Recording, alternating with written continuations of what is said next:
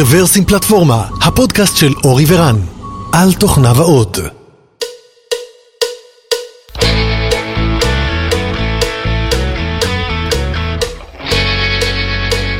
שלום, ברוכים הבאים לפודקאסט מספר 428 של רוורסים פלטפורמה. התאריך היום הוא 14 בדצמבר 2021, אוטוטו אנחנו מסיימים את השנה הזאת. והיום אנחנו מתכבדים לארח באולפן הווירטואלי שלנו את שגיא, מחברת פרימיטר 81 או פרימיטר 81. היי שגיא, מה נשמע? אהלן, מה קורה? הכל טוב. יופי יופי, ברוך הבא. אה, אז היום רק אני באולפן הווירטואלי אה, ואני מארח את שגיא. אנחנו הולכים לדבר על נושא שנקרא ג'רוויס. ג'רוויס זה איזשהו כלי פנימי שפרימיטר אה, בנו בתוך הבית שלהם ומיד נגיע אליו, אבל לפני זה, שגיא, ספר לנו קצת עליך ועל החברה. אחלה. אז, אז אני בתור, אני גיק מחשבים. מגיל 6 התחלתי לעבוד עם... עם מחשבים, בגיל תשע התחלתי לעצב, אה, למדתי לבד אה, אה, ביחד עם אחי, אחי הגדול. ישבנו בבית, קיבלנו מהורים ספר לעיצוב, התחלנו לעשות את זה, ובאמת אני בא מעולמות של, של דיזיין, של user experience, וזה כאילו הפשן הגדול. ב-2018 הקמתי את Perimeter 81 ביחד עם עמית ברקת, השותף שלי. זה המיזם השני שלנו, אה, התחלנו ב-2013 עם מיזם של VPN ים ל consumers. אה, בעצם נתנו אה, פרטיות ואנונימיות למשתמשים ברחבי העולם, לעשרות אלפי משתמשים, וב-2017 ראינו בעצם שתי מגמות גדולות שקורות בשוק, שמדברות על האחת, זה על המון משתמשים שעוברים לעבוד מכל מיני מקומות ברחבי העולם, הרבה לפני הקורונה, כל מה שנקרא digital nomads, נוודים דיגיטליים. והמגמה השנייה זה בעצם המון חברות שעוברות לעבוד בענן אה, ול-Cloud Infrastructures, ואז בעצם ראינו שיש כאן אה, הזדמנות מאוד מאוד אה, גדולה, ושם בעצם הקמנו את Perimeter 81, שהיא נותנת remote, secure remote access, בעצם גישה מובטחת למשאבים פנימיים של ארגונים, גם ב-on-prem וגם ב-cloud, וזה בעצם מההתחלה עד היום. Mm-hmm. כן. כן, אני זוכר דרך אגב, תקן אותי, אתה בטח בקיא בזה יותר ממני, אני חושב שגוגל הכריזו לפני משהו כמו חמש שנים, שלמעשה אין להם יותר VPN, אה, כל השירותים שלהם הם secured בדרכים אחרות, mm-hmm. שלטענתם היא הרבה יותר בטוחות, כי מבחינתם הם אומרים, אוקיי, כבר לא קיים ההבדל הזה בין external ל internal וכל העניין הזה של VPN זו אשליה, אז ככה שבואו לא נשלה את עצמנו. אה, כל service חייב את ה-authorization, את ה-authentication משלו, אה, ואל תשלו את עצמכם כאילו בתוך ה-VPN זה בסדר. אה, אז לא יודע אם אתה מכיר את ההכרזה הזאת, אני חושב שהם עשו את זה לפני כמה שנים, וזה בטח גם כן, ככה... כן. וזה מתפתח, נכון, אז גוגל בעצם יצאו עם שירות שנקרא BeyondCorp, שהוא שירות פנימי לגוגל, שבעצם מייתר את הצורך ב-VPN ים וב-firewallים בתוך הארגון, ובעצם מאפשר להשתמש בשירותים פנימיים, שהם הרבה יותר מובטחים, כי בעצם הגישה היא לעבור מ-site-centric approach, מלהגן בעצם על האתר, ומעבר להגנה על העובד עצמו, כי העובד נמצא בכל מקום, והוא צריך אה, בעצם הגנה גם בגישה למשאבים ארגוניים, שיכולים להיות בכל מקום היום, כלומר אין perimeter אחד, ו... והדבר השני זה בעצם אה, גישה למשאבים חיצוניים, כמו האינטרנט, איך אתה בעצם מגן על העובד בגישה אה, לשירותים הציבוריים, וגישה של אבטחה בתוך המכשיר עצמו. כן, אז אתה אומר, זה לא רק להגן על ה service ים שלנו, לצורך העניין זה לא רק להגן על השרתים, אלא זה גם להגן על העובדים. ואם בלהגן על העובדים עסקינן, VPN בוודאי לא עוזר. זאת אומרת, הוא אולי מגן על השרתים, גם זה לא תמיד, אבל על העובדים הוא בטח לא מגן. מובן, מובן. אז תכף נגיע לנושא של Jarvis ונדבר מה זה, אבל לפני זה אמרת שהיית גיק מחשבים בגיל צעיר, אז אני חייב לשאול את השאלה, מה היה ה-CPU הראשון שסבל את אה, נחת זרועך, אה, נחת זרועך כשהיית ילד? אה, אז קיבלתי מחשב, אה, כן, קומודור מההורים, היו שם כמה... 64? כן. קומודור 64. קומודור 64, היו שם כמה משחקים מאוד מאוד נחמדים, היינו רבים, אני ואחי, בתור על המחשב, מי ישחק קודם. ובאמת שם התחילה כל האהבה והזיקה למחשבים, לטכנולוגיה, ומשם זה התפתח עד היום. כשאני גם בא מתחום של טכנולוגיה, למדתי מדעי המחשב, אבל גם בעצם המיין פשן שלי ומה שאני עושה זה איך אני מייצר צמיחה או איך בעצם אני, גם אם זה מתבטא בעיצוב או אם זה מתבטא בעצם במוצר עצמו שאני מוביל אותו, השיווק בחברה, אז כל האלמנטים האלה. מעולה, מעולה. אז כן, אני פחות או יותר מאותה תקופה, אני אומנם הייתי על סינקר ספקטרום, אבל הם היו אחים סלאש אויבים, אה, וגם לי היה גישה לקומודור 64 אה, במשך אה, כל הילדות שלי, אז לגמרי מבין את, ה, את הרקע. בסדר, אז בואו נדבר על Jarvis. אז מה זה Jarvis ולמה בניתם אותו? אז אני חושב שזה בעצם משהו שנבנה על בסיס כישלונות או דברים שלמדנו מהחברה הראשונה שלנו. בחברה הראשונה היא, היא הצליחה, אבל היא לא, לא מספיק. הגענו בעצם לתחום שהוא תחום שהוא קומודיטי, זה VPN for consumers, אמ, והיה משהו שהיה מאוד מאוד חסר לנו באותה תקופה, כדי, גם כדי לקחת החלטות טקטיות, החלטות אסטרטגיות, וזה כל העניין של דאטה, וזה איך שאתה צורך אה, דאטה בחברה. והבנו שבעצם הקצב צמיחה של חברה יכול להיות הרבה יותר מהיר, אם אתה מתעל את הדברים האלה, את הנתונים, אה, לטובתך. אתה בעצם אה, מייעל גם את הזמן של העובדים שלך, ואתה מגביל, מגדיר, סליחה, אתה מגדיל את הפרודקטיביות אה, של העובדים, ולכן כשהקמנו את Perimeter 81, הדבר הראשון שעשינו זה בעצם, א', להקים צוות דאטה, שיאסוף מהרגע הראשון את כל הנתונים, יחבר את זה ל data warehouse שלנו, והדבר השני זה בעצם הקמנו את Jarvis, ש Jarvis זה בעצם הפלטפורמה הפנימית שלנו. אמ, אני אגב חובב מרוויל, אה, טוני סטארק זאת הדמות האהובה עליי, אה, בעיקר אה, מעצם העובדה שהוא לא נולד עם כוחות על, הוא מישהו שבעצם באמצעות החוכמה שלו, השכל שלו, הוא הצליח למצוא פתרון אמ, ולהתגבר על, על מכשולים שעמדו בפניו. ו Jarvis הוא בעצם היה העוזר האישי שלו, ה-AI, assistant של טוני סטארק, שעזר לו לקבל החלטות בזמן שהוא בעצם נלחם ב bad guys. אה, ופה בעצם הייתה הנקודה שהתחלנו לפתח את, אה, את Jarvis. אז שאני אקרא לך טוני אה, מעתה והלאה. אה, אז אה, כן, אז בעצם כשאתה אומר להשתמש בדאטה, אז אני מניח שאנשים מדמיינים דברים שונים כשהם שומעים דאטה. אז אתה אומר דאטה יכול להיות כן. הביטים שעוברים על ה-VPN, וזה יכול להיות מידע אישי על הלקוחות, וזה יכול להיות מידע עסקי מסוג אחר, אז איזה סוג של דאטה מצאתם שהוא מפתח להצלחה? בהקשר הזה. אז, אז אנחנו עושים היום המון המון אה, נתונים שבעצם עוזרים לכל המחלקות השונות אצלנו בחברה, אה, אם זה דאטה שקשור בעצם לכל הפיננסים, אה, שעוזר לנו גם לשקף נתונים לבורד, גם לעצמנו בתור הנהלה וגם לעובדים ביום יום, כי זה כל העניין של, שאנחנו מדברים על טרנספרנסי, זה ערך שהוא מאוד מאוד חזק בחברה, גם ברמת הדשבורדים ש, שרצים כאן וגם ב, ברמת הנגישות שלהם.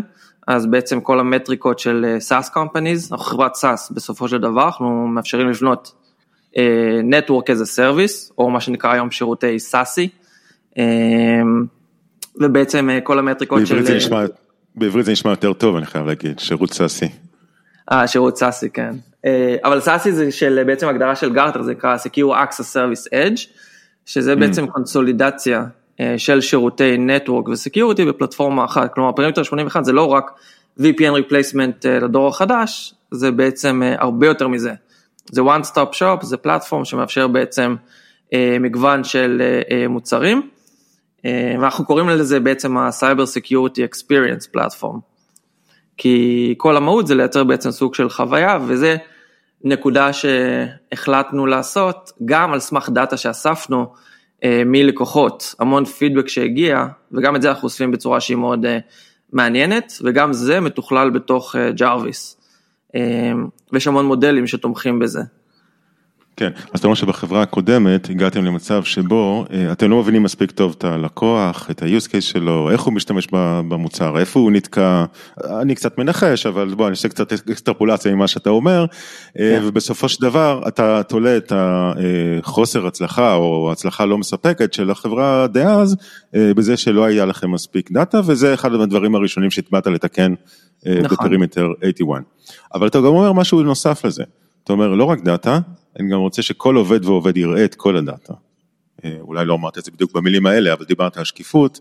נכון לגמרי. זאת אומרת, אז יש הבדל בין, בוא, יש לנו דאטה ויש לנו כמה אנליסטים שחשופים אליו ועוזרים להנהלה לקבל את ההחלטות הנכונות, לבין לחשוף את הדאטה בצורה שהיא שקופה לכל עובד. אתה יודע, שגם עובדים יוכלו לצורך העניין להסתכל על החלטות ההנהלה mm-hmm. בעין ביקורתית לאור הנתונים, ואולי להציע אלטרנטיבות או להטיל ספק. עד כמה העניין הזה של שקיפות ולתת את המידע גם לאחרון העובדים, עד כמה אתה רואה את זה משמעותי אצלכם? אז אנחנו חושפים כמעט את כל הנתונים של, של החברה, אתה יודע, מרמת ה-ARR, collections, כמות לוגו עם החלוקה שלהם, סגמנטציות, באמת כל מידע שיכול לעזור במחלקות, על פי זה אנחנו גם נותנים כל מיני KPIs לעובדים השונים. אני חושב שהדבר הכי גדול שזה מייצר, זה מייצר תחושת שייכות, וזה, וזה בעצם גורם לסוג של engagement, גם בין העובדים, גם בין החברה. אחד הדברים הראשונים שעשינו זה היה בעצם לחבר בין Jarvis לערוץ Slack שלנו, ובעצם כל חברה חדשה שמצטרפת, כל לקוח חדש שאנחנו בעצם מצליחים לסגור, אז זה מכריז על זה אוטומטית, ואנשים בעצם יכולים להגיב ולהריע, ו, ובעצם זה, זה מחבר בין העובדים. אז זה יצר אימפקט מאוד מאוד עצום בתוך החברה, ואני חושב שזה יצר סוג של גם איזה vibe, איזה culture ו-DNA מאוד ייחודי ל Perimeter 81. אין פה איזה מדיניות של הסתרה והפחדה ובאמת אה, אה, לחשוף, לחסוך מהעובדים את, ה, את הנתונים, אה, ועצם זה שאנחנו כן מראים את זה, זה בעצם אה, אה, עושה איזה סוג של אמפליפיקציה, זה מגביר כאן את, המודעות, וגורם לעובדים לבוא עם יותר רעיונות ויותר דברים שרוצים ליזום ולעשות, ואלה התוצאות הישירות של זה. כן, אז תראה, אני מאוד בעד שקיפות, אבל אז אני אצג פה עמדה שהיא לא שלי, אבל בכל אופן, המקטרגים יבואו ויגידו, אוקיי, אז, אבל יש פה גם כמה סכנות, זאת אומרת מידע יכול לזלוג החוצה, לצורך העניין עובד שסיים את ההעסקה שלו בחברה, יודע יותר מדי, או אולי עובד שלא כל כך מרוצה, או אולי סתם בטעות איזשהו CSM דיבר עם לקוח וחשף מידע שהוא לא היה אמור לחשוף. זאת אומרת, יש פה גם הרבה מאוד סכנות בשקיפות הזאת, מעבר לזה שלך כחלק מהנהלה של החברה, אתה יודע, פתאום יש לך 100 מבקרים או ווטאבר כמה עובדים שיש בחברה, בזמן שאולי לפני זה היו לך רק שלושה, או רק הבורד, אז, אז יש yeah. פה כן. לא מעט התמודדויות.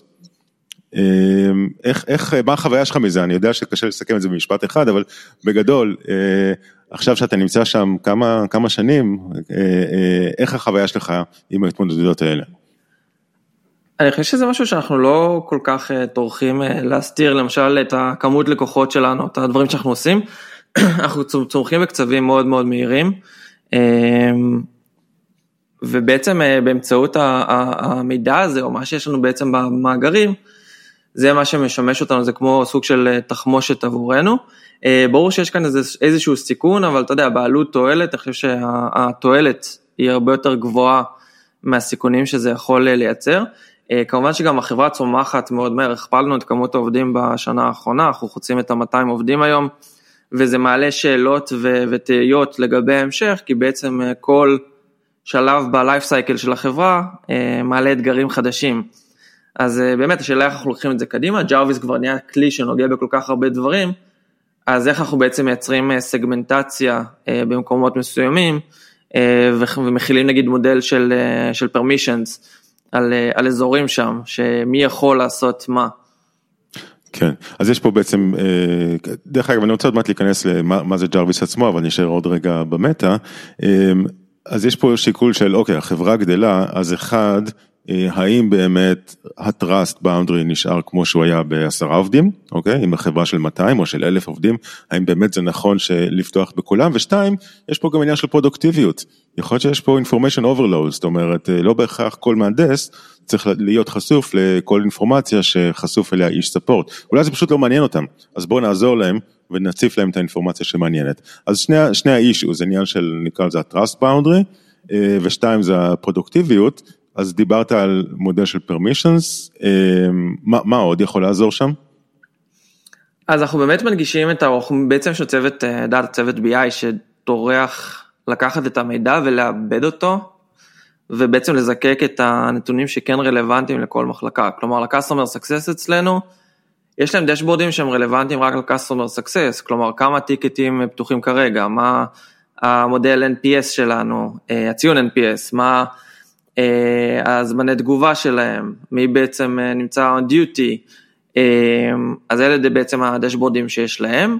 מצד שני, למחלקת פייננס שלנו, יש דשבורדים שחלקם חשופים וחלקם לא חשופים, כי באמת יש נתונים שלא צריכים להיות אצל, אצל שאר העובדים, אבל גם שעוזרים להם בעצם להבין את כל המטריקות של בעצם ה-LTV CAC, ה-win ratio, כל מה שאנחנו צריכים בעצם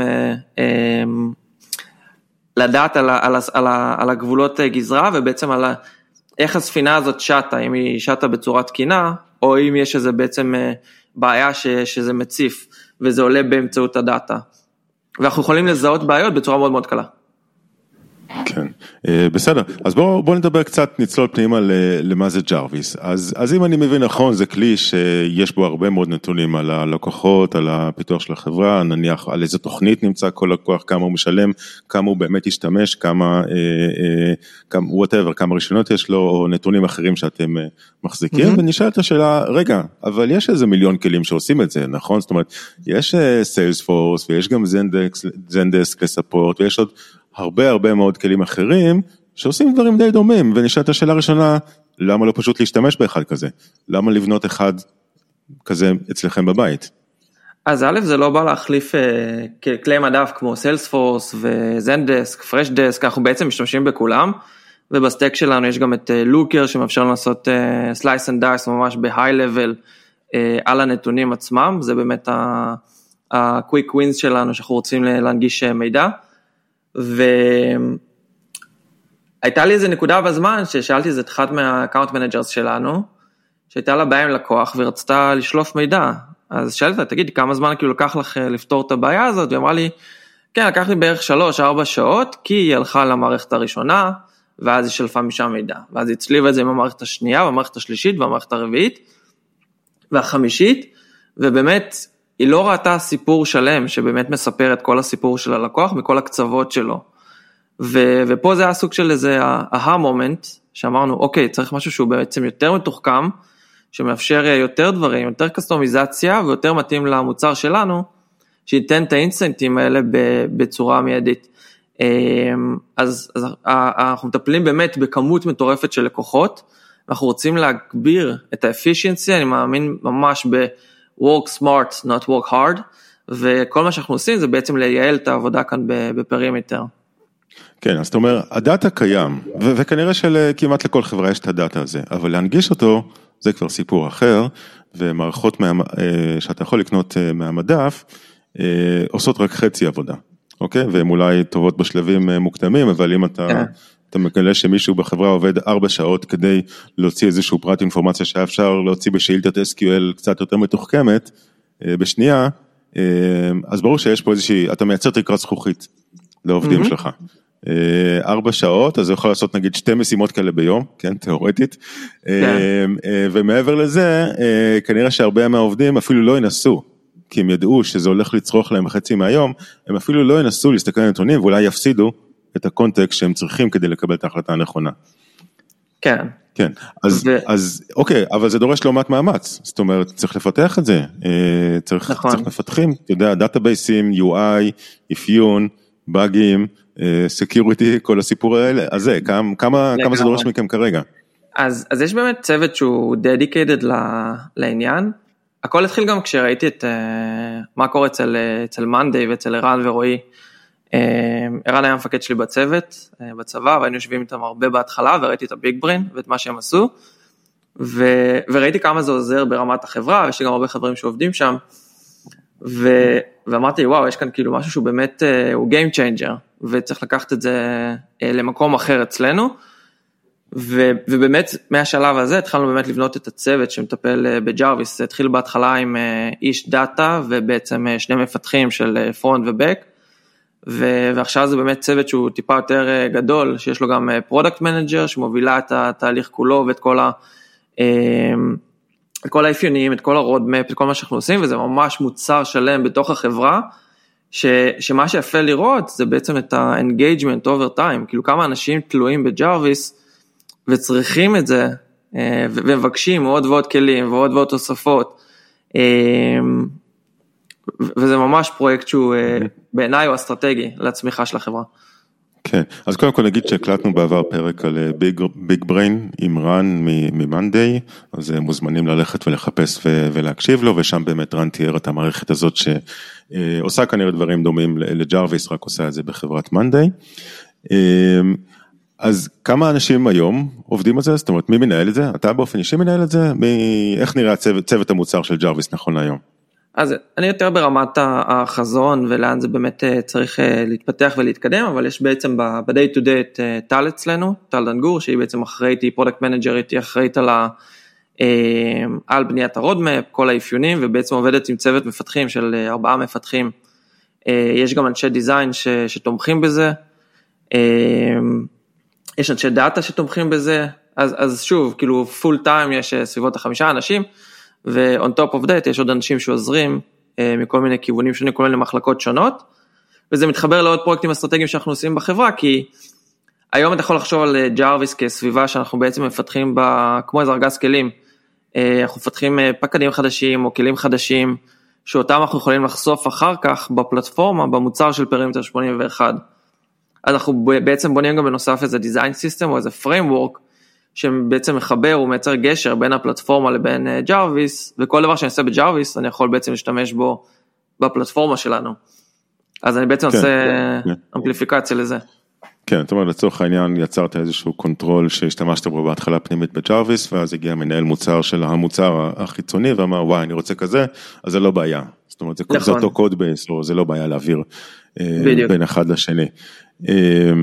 והצוות הפיתוח הוא חלק מה-R&D, זאת אומרת איך זה בנוי אה, ארגונית? אז היום הוא יושב באמת אה, ב-R&D, אבל הוא בפועל הוא בעצם, אה, טל, ה product, היא בעצם מכווינה אותם במשימות, בספרינטים, מה עושים, איך עושים.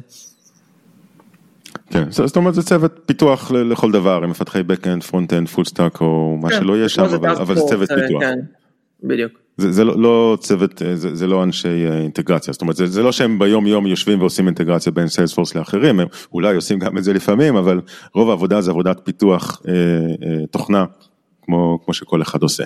כן, כן, זה אה, פיתוח לגמרי, ויש גם המון אה, אנשים שיש כאילו תלוי בפרויקטים, זה כבר בהתחלה הזכרנו את העניין של אה, תחקור של אקאונטים שיש לנו.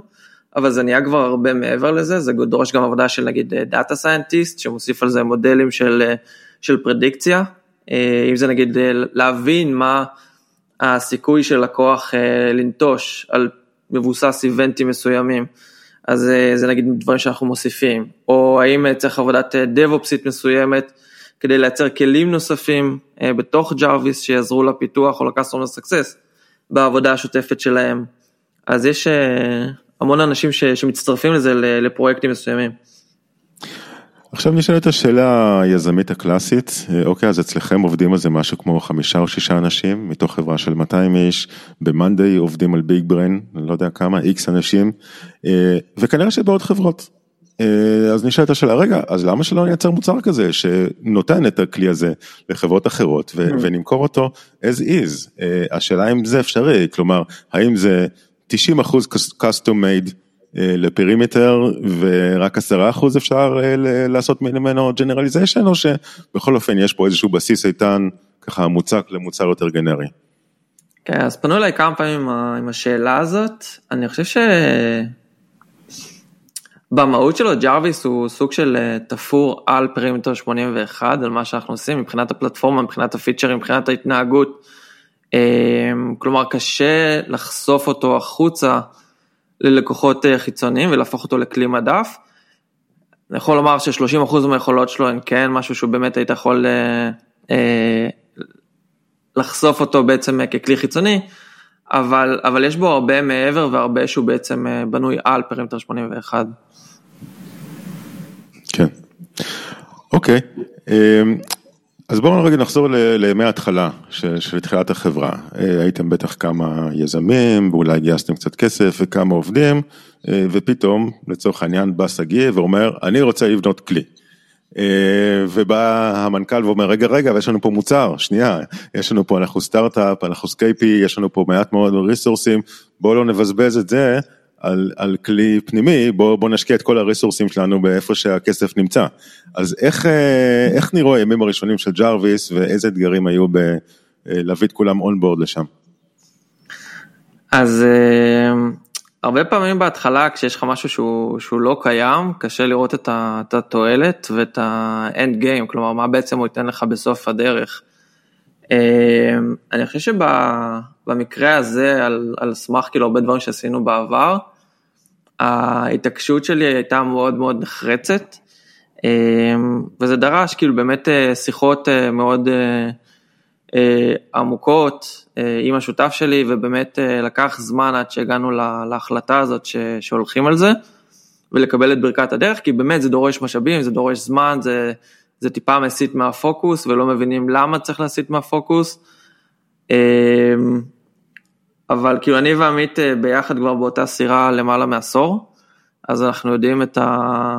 כל אחד את הטריגרים של, של השני. ובסופו של דבר באמת הגענו לעמק, לעמק השווה ולהבנה, אבל זה כן, היו הרבה פריקשנים אה, ממש בהתחלה, כדי להגיע אה, לדבר הזה, ואני מאוד מאוד שמח שהייתה את ההתעקשות ושעשינו את זה, כי היום זה באמת אה, מוכיח את עצמו ומראה את הvalue הגדול בתוך הארגון. מצוין, ואיזה אתגרים אתה רואה היום? זאת אומרת, עובדים חדשים, פיתוחים חדשים, אתגרים טכנולוגיים, אתגרים אנושיים, איזה אתגרים אתה רואה מסביב ל Jarvis נכון להיום? אז היום יש לנו המון כלים שאנחנו רוצים אה, לעזור לצוותים השונים, לצוותי הפיתוח, לצוותי ה-customer success, ב marketing זה תחום שלא אה, נכנסנו אליו עדיין ב Jarvis ויכול לתרום הרבה, אה, אבל זה דורש המון כאילו engagement מה, מהעובדים, למשל ה-R&D, הבינו את הפוטנציאל ומבקשים המון בעצם דברים שיעזרו להם בלנהל נגיד את התשתית, לנהל את הרשת, המון פעולות שהיו פעולות אה, שחוזרות על עצמן ולוקחות המון זמן, פתאום Jarvis יכול לעשות את זה, כי בלחיצת כפתור יש לך משהו שפועל ברקע ומבצע את זה.